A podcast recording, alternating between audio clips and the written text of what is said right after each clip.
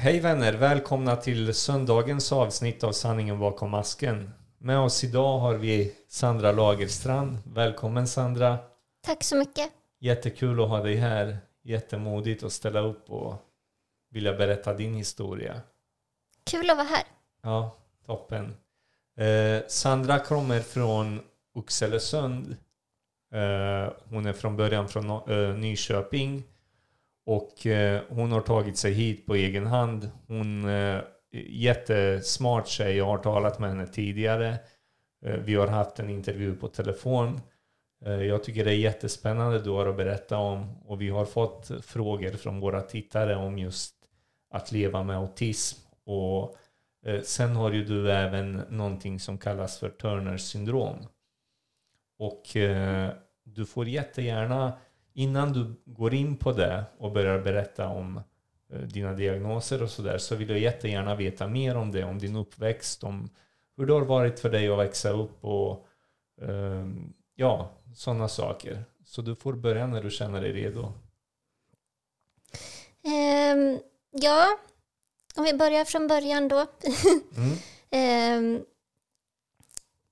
jo, men det var ju um, mycket mobbning var det ju. Det blir ju lätt så när man är liksom eh, annorlunda på olika sätt. Mm. Eh, men också just det här att man märker inte riktigt av det själv. Eller när man är så pass liten, liksom att, att man är så annorlunda. Eller man vet ju om det, men man förstår inte liksom riktigt hur eller vad man ska göra åt det på något sätt. Nej. Utan eh, man... Eh, Oftast blir, blir det väl att man bara försöker passa in på de sätten som man kan eller bara embracea det på något sätt, att man eh, är annorlunda. Men det kan ju vara väldigt eh, svårt, framförallt i, i den åldern. Ja, jag förstår Men, det. Hur ehm, gammal var du, om jag får fråga, hur gammal var du när du insåg eller insåg att eh, du hade någonting som inte var liksom mm. som de andra hade? Va, när, när började du märka av det? Det var ju väldigt tidigt. Ehm, för det var ju, jag slutade ju växa väldigt tidigt. Mm. Ehm, så det var ju ja, men i dagisåldern. Ehm, I och med att jag ja, men redan då var väldigt mycket kortare än eh, de andra. Och var väl liksom ja, men lite annorlunda på andra sätt också, rent alltså beteendemässigt. Så alltså lekte inte på samma sätt som de andra kanske gjorde, utan var lite mer ja, men, uh, utsvävande på vissa sätt. Liksom. Så jag stack ut mycket så också. Okay. Eh, och det var inte alltid riktigt populärt heller. Jag hade väldigt alltså, starka intressen uh, också, framförallt då med dinosaurier och sån teater. Många sådana intressen som var väldigt, väldigt, in, ja. väldigt djupt in i det. Väldigt, väldigt djupt. Och det var inte heller särskilt populärt bland eh, ja, men kompisarna sådär för att de tyckte att det blev för mycket. Ja. Och det var, kommer du ihåg att du berättade ja. för mig när vi talades vid i telefon att eh, just det här intresset med dinosaurierna, är det, har det någonting eh, att göra med just din sjukdom, din diagnos där, autism? Att, eh, man kan få väldigt, eh, bli väldigt eh, fäst vid saker man är intresserad av. Och... Ja, det, det är ganska vanligt. Alla har inte det. Men eh, det är väldigt vanligt att man liksom, ja, men snör in på en viss sak och det kan ändra sig också, att man kan ha olika liksom, faser. Eh, så var det för mig i alla fall. Vissa kan ju ha ett specialintresse under kanske väldigt lång tid. Men eh, jag har bytt flera gånger, ja. eller gjorde jag genom åren. Men eh, det hör absolut ihop med diagnosen att man, eh, man kan snöa in på ett visst ämne och bli ja. väldigt intresserad just för det. Ja. Nu kom vi ju in på diagnoser lite mm. och jag tänkte på det här med du berättade om Turners syndrom. Jag, jag hade ju aldrig hört talas om det tidigare. Och jag tror många tittare inte har gjort det heller. Skulle du vilja berätta lite om det? Jag vet själv lite idag efter att ha läst din bok om att det är någonting har med kromosomer att göra, att vi föds. Eh, du får gärna berätta lite om det. Jag tror du är mer ja, du har lite mer kunskap om det än vad jag har. Det är väl det som är lite obehagligt med den diagnosen också, just att det finns eh, så mycket okunskap om det. Eh, men det stämmer att det är en, eh, en kromosomavvikelse mm. som det är så svårt att beskriva den för att det kan påverka så många olika... Det kan ge många olika symptom. Eh, både rent fysiskt men eh, ja, också psykiskt då. Men eh, det är inte så mycket psykiska symptom egentligen. Det är mer ja, men med, att det kommer ofta med psykisk ohälsa så. Men eh, annars rent fysiskt är det ju då det här med tillväxten, att man eh, slutar växa väldigt tidigt. Ehm, och också ja, men, eh, hjärtproblem, alltså mycket sådana fysiska saker eh, kan det komma med, men det gör inte alltid det heller. Så det är en lite ja, men en diagnos som man inte riktigt kan lita på eller veta vad man eh, får så att säga. Eh, för det är väldigt, väldigt olika också från person till person. Men sen kommer det också med vissa fysiska attribut också eh, som man kan eh, ja, man känna igen när man ser en person som på nacken till exempel. Att man kan ha eh, men en ex, extra tjock nacke till exempel. Alltså vissa sådana saker. Men mm. eh, det är inte jättevanligt heller så det är jättesvårt att liksom ja, beskriva den egentligen. Det liksom, ja. sjukdomen, utan det är väldigt individuellt. Ja men precis, ja. men det som egentligen är gemensamt så att säga det är ju mycket det här med, eh, med tillväxten då. Mm är det ju. Och också... Ja, det kanske vi inte ska... Jag tänkte på det här med ja, men att få barn och sånt också. Jag vet inte om vi ska... Vi ja, kanske kan, om vi kommer tillbaka till det så kanske... Absolut, ja. absolut. Nej, men det, det är jätteintressant att höra och för mig var det ju första gången att hö, höra om den sortens diagnos. Men när jag, alltså när jag har träffat dig, när jag har pratat med dig och mm. allt sånt där, så verkar du som vilken ja, normal använder vi inte. Vad är normalt egentligen? Men vilken normal person som helst. Och du, jag ser ju att du har en väldigt bra talang, det här med att skriva bok och allting. Du är väldigt bra på att uttrycka dig i ord och allt sånt där. Och, jag upplever inte heller, du har ju även autism? Mm. Ja. Eh, kan väl berätta, berätta lite om det? För... Mm. Det, det, kommer ju ofta med eh, Turner syndrom också. De går lite hand i hand, autism och Turner syndrom. Oftast har man Turner syndrom så har man oftast autistiska drag om man säger. Okay. Eh, det här med ja, men sociala koder, eh, ja, men de bitarna, liksom förstå det sociala samspelet. Eh, det hör, de går lite hand i hand så att säga. Men det är väl det som är lite obehagligt just med diagnosen Turner syndrom också, att man inte känner till det. För det gjorde ju till exempel inte mina föräldrar heller när eh, de fick reda på det. Det var första gången de hörde om det också. Och det blir ju, eh, kan ju bli en rädsla som förälder också, att inte veta vad man kan vänta sig för sitt, för sitt barn så att säga. Och man vet inte heller när man själv, även fast jag var liten, men man blir ju ändå... Det blir en oro i sig själv också att inte veta vad man kan liksom förvänta sig för sig själv heller. Men liksom, hur ska mitt liv bli? Kommer det att liksom bli bra för mig? Kommer jag klara mig? Liksom? Men eh, som du säger, alltså, det är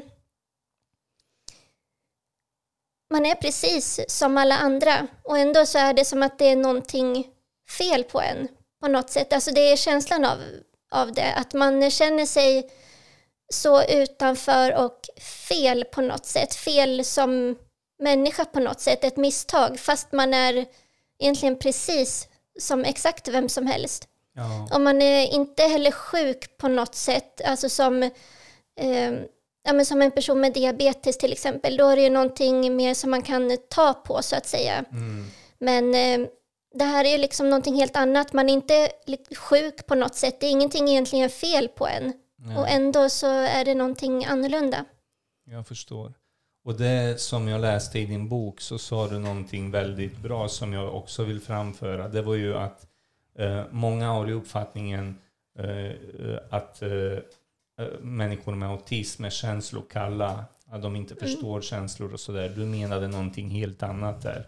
Du menade att så var inte alls fallet, utan att det kan snarare vara tvärtom. Jag tror att personer med autism kan nog i vissa fall kanske känna ännu mer till och med. Det är mer kanske att man inte vet på vilket sätt man ska framföra det på ett sätt som blir förståeligt för andra. Som andra människor är vana vid och kan ta till sig. Eh, så det blir lite en krock där. Ja. eh, väldigt många gånger. För det är en vanlig föreställning tror jag att eh, personer med autism, att man, är, att man inte förstår sig på andra människor eller att man är kall på olika sätt. Mm. Eh, men så är ju inte fallet utan eh, personer med autism har ofta väldigt, väldigt mycket känslor. ja. Men som de inte alltid kanske vet hur man uttrycker. Nej. Nej, jag förstår. Ja. Och det är där skrivandet har varit väldigt, väldigt viktigt för mig också. För det är sättet som jag kan uttrycka mig alltså väldigt, väldigt bra på. Ehm, då bara orden bara flödar. Det bara kommer. Det är som att det är Ja, men det är som att prata liksom sitt modersmål på något sätt och sen det talade språket, men då är det svårare att hitta orden. Det är därför skrivandet är en väldigt stor frihet tycker jag. Ja. Ehm, Så det har jag ju alltid gjort väldigt mycket. Ja. Så den här boken har ju varit in the making kan man säga i jättemånga år. I större delen av mitt liv egentligen. Okej. Ja. Ja, men du, alltså, du har ju jättemycket att berätta och som jag har förstått det, du är mån om andra. Du vill ju spräcka den här eh, bubblan av oförståelse och okunskap och så. Eh, Det vill jag också att du gärna ska berätta om. För dig har det varit, du har ju haft bekymmer med vissa vuxna också. Eller många vuxna. Du har haft svårt med tillit till vuxna också för att de inte har förstått sig på dig. Eh, Kan du berätta om det? Jo, men det blev ju mycket, mm, framförallt där i barndomen eh, också. För jag utvecklade ju en ätstörning också. Eh, mycket på grund av eh, mobbningen förstås. Att eh, psykisk ohälsa generellt, Mm. ett behov av att eh, kontrollera någonting i mitt liv. Det är väl ofta det ätstörningar grundar sig i, att man har behov av kontroll. Eh, och i och med framförallt ätstörningar då, när jag utvecklade den här psykiska ohälsan då på riktigt, då blev det väldigt mycket bråk med vuxenvärlden upplevde jag. För att min känsla var att vuxenvärlden, att det var, man tyckte att jag var jobbig. Att det var besvärligt, att det var... Eh, ja men det är väl inte så farligt, eller du är för känslig. Helt enkelt, ja men ta inte till dig vad de andra säger. Du ska vara inte så känslig. Nej. Och då, när, det blir ju som att göra den personen till ett problem. Ja. När ja, det är ju det- som vi har sagt någon gång, att rycka upp dig och sådär, det är inga tröstande ord liksom. Det, Nej, det är verkligen inga tröstande ord, för det är inte realistiskt i alla lägen att bara ja, men, rycka upp dig. Och det är ingenting som kommer att hjälpa någon, även om jag kan förstå de eh, personerna också på något sätt som säger så för att det är jobbigt att se någon annan må dåligt. mm, Eh, det förstår jag, men ibland måste man ja, men, våga lite mer, våga se andra människor, våga se varandra. Och det är inte heller farligt att må dåligt eller att se någon må dåligt. Det, jag tror att vi måste bli alltså på något sätt mer bekväma i det. Det kanske låter konstigt, men liksom luta oss tillbaka i det och att inte lägga så mycket skuld på oss själva. Att ja, men det är mitt fel att den här personen mår dåligt. Det är ju inte det, för att eh, personen har ju en sjukdom. Ja, Ja. precis. Och det är Mm, som- den personen som lever sitt eget liv och liksom har ansvar för sitt liv. Mm, Och det kan ju aldrig någon annan eh, vara ansvarig för. Så man ska inte ta på sig så mycket heller och inte göra någon jättestor sak av det heller. För jag tror många tror att det är så svårt också att finnas för någon som mår dåligt. Men egentligen är det inte så svårt tänker jag. För att oftast behöver man bara kanske bara någon som sitter bredvid en. Kanske bara ja, men säger ett hej. Ja men precis, bara lyssnar. Man behöver inte säga det där perfekta ordet som vissa kanske tänker att man måste göra. nej. Man, eh, behöver bara lyssna, bara liksom Finna kanske det. sitta bredvid. Ja. Mm, mm. Så det behöver inte vara så, så jättekomplicerat egentligen. Nej. Hur har det varit för dig? Jag tänker på allt det här med att du har känt utanförskap och allt sånt där. Har du varit deprimerad? Har du haft ångest? Har, har du, du har lidit av det också eller? Jättemycket. Ja. Eh, genom åren framförallt. Det började ju där eh, med eh, ätstörningarna och sen eh, fortsatte det. Liksom, det blev ju som en eh, ond spiral kan man säga. Mm. Eh, men det vill jag också framföra att ätstörningar, det är någonting som man, vissa skulle kanske säga att man inte kan bli frisk från det. Mm. Eh, men det skulle jag säga att jag kan, för det är ingenting som påverkar mig idag eh, överhuvudtaget egentligen. Eh, så det kanske låter lite väl optimistiskt, men det är någonting som man faktiskt kan bli fri ifrån. Och jag hoppas att det kan vara någonting som kanske ger någon hopp också, att det, det går. Um, Ja. vad pratar Ja, men Ja, precis. men det, ångest det är ju och... som du säger och vi talade ju faktiskt med två tjejer om ätstörningar. Jag har talat med en annan tjej också om anorexia tidigare. Och de, de här två tjejerna vi talade med menade också på det att man kan faktiskt bli frisk från det. Eh, Det kan är man. Ingen, det, det är ingenting du behöver leva med resten av ditt liv. Nej, Och det, jag tror det ger mycket hopp till människor där ute också. Att inte känna det här att ja, men jag kommer aldrig bli kvitt det här liksom. det hoppas jag att det gör. Mm. Ja. Vi ska gå in på din bok alldeles Mm. strax. Eh, och du får jättegärna berätta så mycket du vill om boken själv. Som sagt, jag har ju läst den. Boken heter Att slåss mot livet. Den är skriven av Sandra Lagerstrand. Eh, jättebra bok. Om ni vill veta mer om Turners syndrom, om ni vill veta mer om hur det är att leva eh, med eh, mycket av det vi har pratat om, utanförskap och eh, att leva med de här diagnoserna, hur det har varit för Sandra, så finns svaren i den här boken. Väldigt lättläst, väldigt bra bok faktiskt. Och eh, du kan väl berätta lite om boken själv. Hur kom, hur kom du, vad heter det, in på det här? Hur kom det sig att du bestämde dig för att skriva en bok? Det är ju såklart ett väldigt viktigt ämne eh, att lyfta och ett eh, ämne som jag tycker är viktigt att folk förstår. Den är också skriven med tanken, alltså syftet var att den ska vara till nytta även om man, även om man kanske inte har en diagnos. För att det är egentligen, jag skriver ju om något, ett väldigt specifikt ämne kan man ju säga, ja, men Turners syndrom och eh, psykisk ohälsa. Det är ganska specifika saker. Men den är ändå, tycker jag själv i alla fall, väldigt bred. Det var det som var lite syftet med det, att det ska vara ändå så lättförståeligt och så brett som möjligt. Eh, så att alla ändå kan eh, ta till sig det, oavsett om man har erfarenhet av de sakerna eller inte. Mm. Ehm, Ja, du är ju ute efter att andra ska förstå också hur det är med det här. Hur de kan eh, behandla människor med de här diagnoserna, de här sjukdomarna. Hur mm, andra borde Mm. bete sig, eller hur du önskar att de hade betett sig och mm. lyssnat och allt. Precis, och också hur man själv kan ta sig igenom det på något sätt också.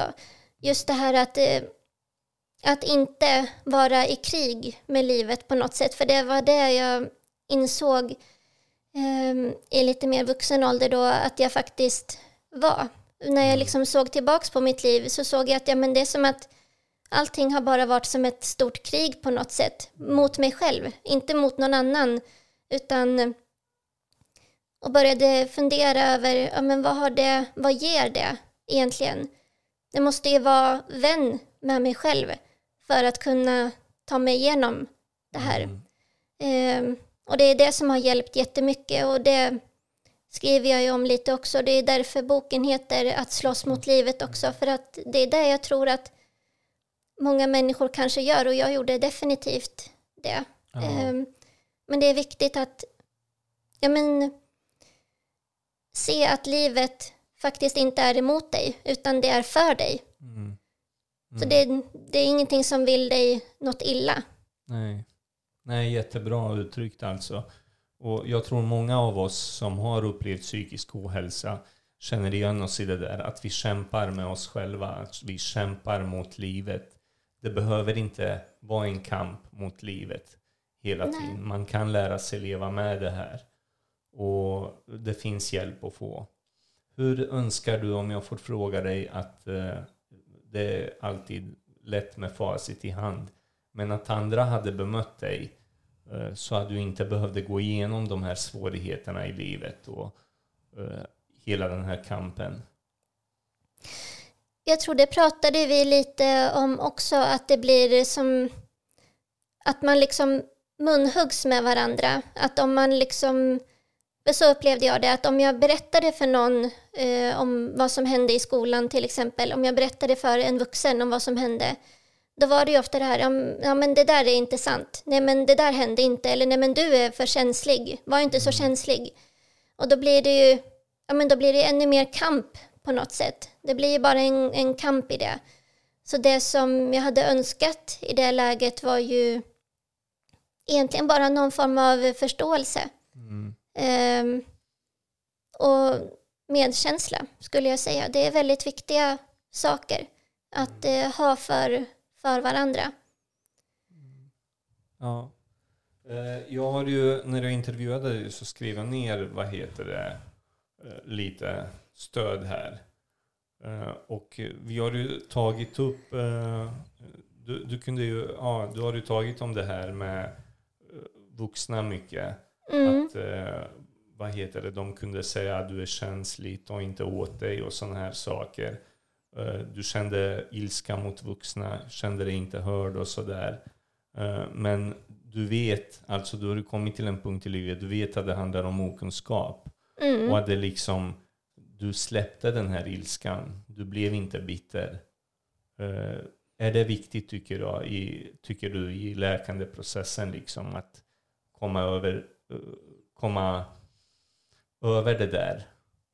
Det är superviktigt för att det blir nästan bitterheten förpestar en ännu mer skulle jag säga. Eh, mm. Det var det jag kände för eh, under en ganska lång period då skulle jag säga att jag blev bitter och var i krig med livet, liksom var, var väldigt bitter liksom över vad livet hade gjort på något sätt tyckte jag, både med att jag blev född med de diagnoserna men också hur jag blev bemött. Eh, mm. Men det skulle jag säga är A och O på något sätt, att man släpper den ilskan för den kommer inte hjälpa dig på något sätt. Den kommer inte att uh, gynna någonting. Um, det kommer bara att ja, men få dig att leva kvar på något sätt i det gamla. Mm. Mm. Så man måste på något sätt släppa det och se vad det egentligen handlar om. Och det är ju såklart okunskap i många fall. Jag tror också, så tror jag, som jag sa förut också, att många är rädda för att se andra må dåligt. Mm. Man tycker att det är obehagligt på något sätt. För då tror jag att då får man ju fejsa sin egen ångest kanske också som man inte pratar om eller inte visar eller som ligger jätteundangömt på något sätt. Mm. Jag tror många blir kanske påminda om det också när man ser andra må dåligt. Ja. Eh, och att man helt enkelt vill att andra människor ska må bra, såklart. Mm. Mm. Eh, så jag tror det handlar mycket om det också.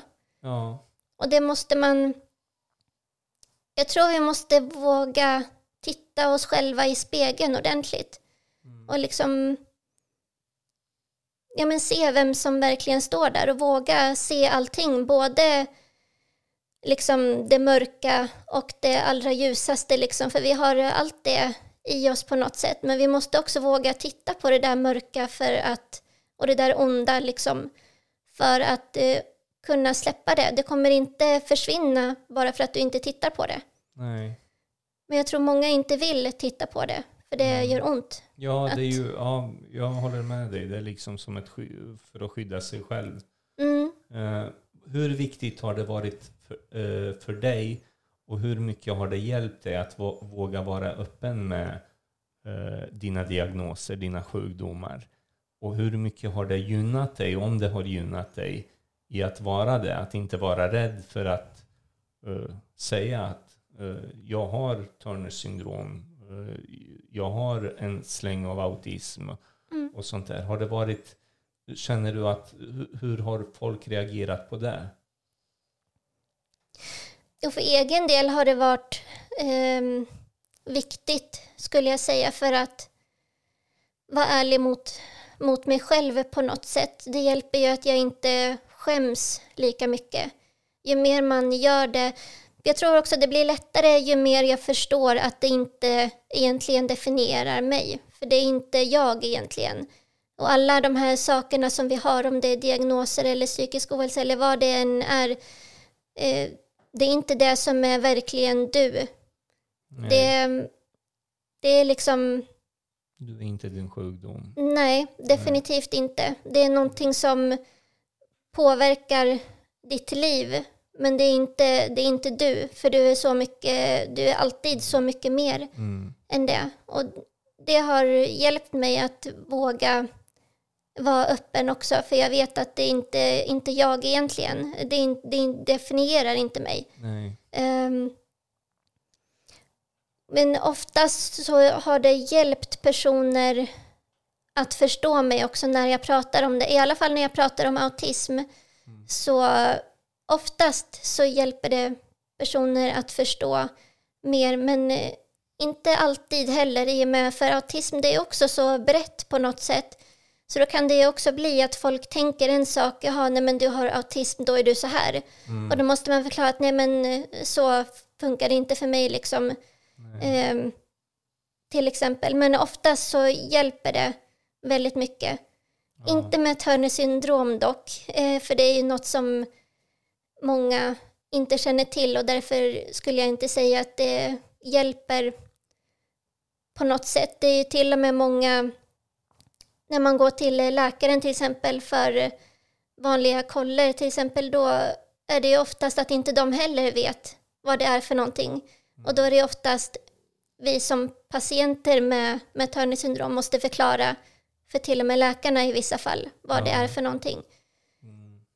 Hur tycker du vården har skött överlag, alltså med allt eh, ditt? Har du, har du fått den hjälp du behöver eller har det tagit lång tid? Eller Oftast har det tagit väldigt lång tid, men jag upplever att vården är ganska väl medveten om det eh, också, att det inte alltid finns eh, rätt vård, framförallt när det gäller då med Turner syndrom. Mm. Eh, jag upplever att de är ganska väl medvetna om det, så jag hoppas att det kommer att bli eh, bättre. Eh, men ehm, det är framförallt okunskapen skulle jag säga, eh, men också att det tar lång tid. Mm. Men det är också, för jag vet många som har den erfarenheten att man eh, kommer dit och sen vet inte läkaren som man pratar med vad det är för någonting och det kan vara lite eh, skrämmande som patient också att eh, men det är ingen som vet vad det här är ens. Liksom vem, eh, vem kan hjälpa mig med någonting? Nej, nej. Om ingen vet vad det är. Vi har gått in mycket på, eller en del på Turners syndrom och så. Eh, men eh, för många där ute som inte förstår, mm. så som jag har förstått det så är det här som bara drabbar tjejer, kvinnor. Mm. Eller? Ja. Det för stämmer. det är någon avsaknad av någon kromosom. Mm, precis. Och jag vet inte, vet du procentuellt hur många det drabbar en på tusen eller? Ja, det är något sånt. Någonting. Ja. ja. det är något sånt. Mm. Ja. Men jag vet också att det är många, eh, det är många missfall eh, som man tror beror på att det är Turner syndrom. Eh, så jag tror att det är eh, en till två procent som eh, föds eller som, går, alltså, som ja, föds med Turner syndrom. Mm. I många fall så slutar det... Nej, precis. Nej. Ni sen, är ju mirakel med andra ord. Ni är ju livets mirakel alltså. Med Turners syndrom. Jag tycker det är jättefint alltså. Jätte... Lite så. Ja.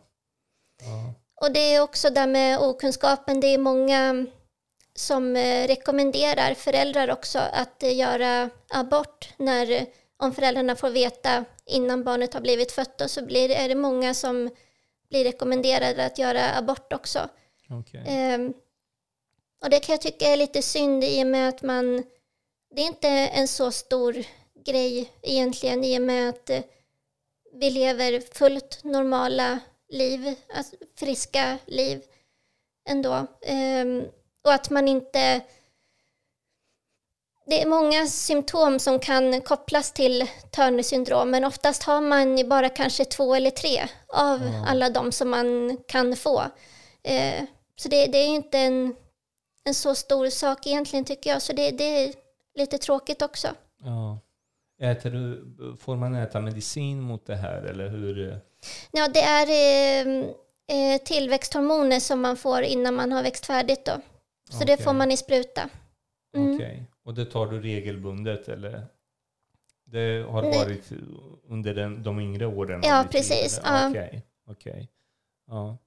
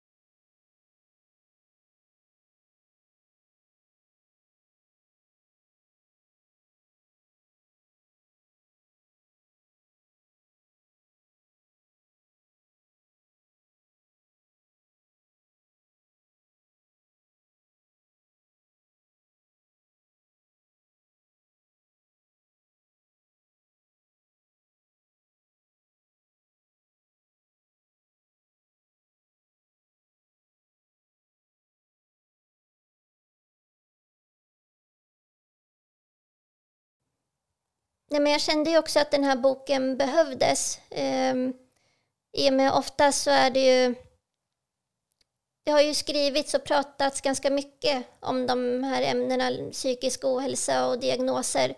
Men eh, jag ville göra det på ett väldigt ärligt och rättframt sätt, om man säger. Inte att man förskönar det på något sätt eller kommer med någon ungefär, alltså universell lösning, gör så här så kommer du att må bra.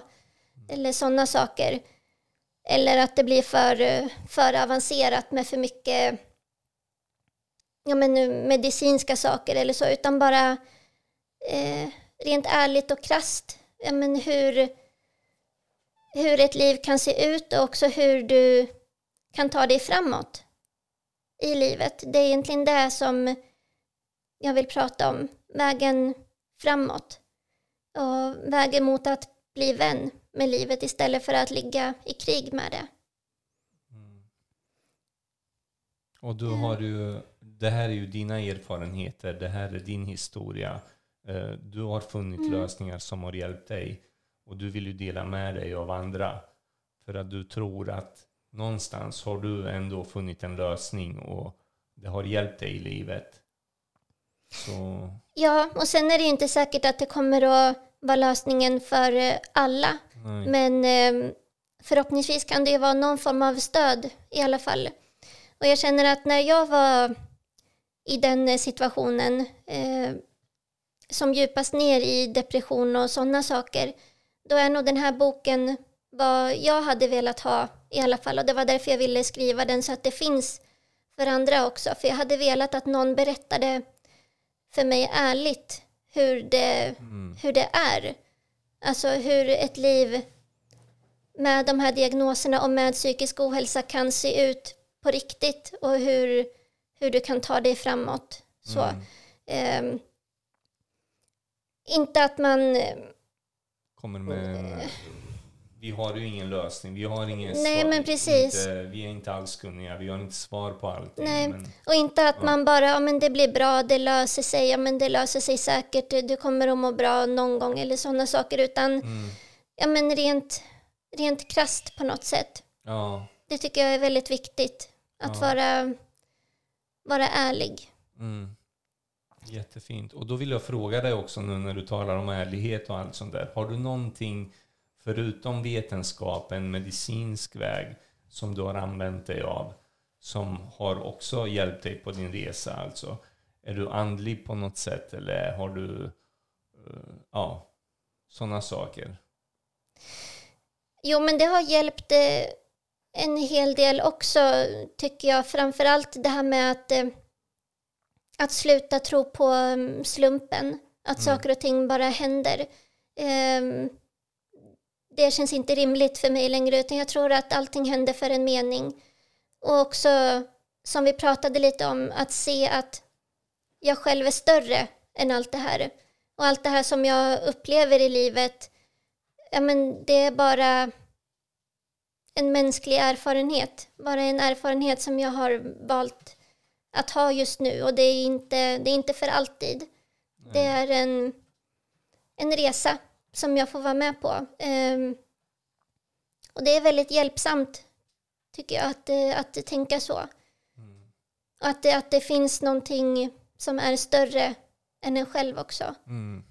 Ja, jättebra. Ja, anledningen till att jag frågar är att många av våra tittare undrar mm. alltså om det är vetenskapen man ska gå på eller det här andliga och så. Och vi är ju, både jag och Roger är ju övertygade om att man ska blanda det där. Det är bra att blanda det liksom. Och ha ett hopp, ha en tro på någonting högre än en själv. Eh, för det är en tröst när ingenting annat hjälper, om inte annat. Ja. Eh, känner du att du vill tillägga någonting mer gällande boken eller det vi har talat om? Vill du, är det någonting du vill framföra till tittarna? Någonting speciellt du känner? Nej, men det jag vill säga egentligen är väl att att komma ihåg att livet är din vän och det är inte emot dig, utan det är för dig. Och livet är inte så komplicerat eller svårt som, som det kan kännas eller som du kanske tror. Det tror jag är viktigt att komma ihåg. Mm. Jättebra. Och med de, av, med de orden så avslutar vi och jag vill tacka dig jättemycket Sandra. Och, eh, köp gärna den här boken, den finns i bokhandeln. Och eh, att slåss mot livet. Och jättebra bok, eh, och eh, man finner mycket svar där, tycker jag. Så tack så hemskt mycket för att du ville komma och gästa vårt program, Sandra. Tack så mycket.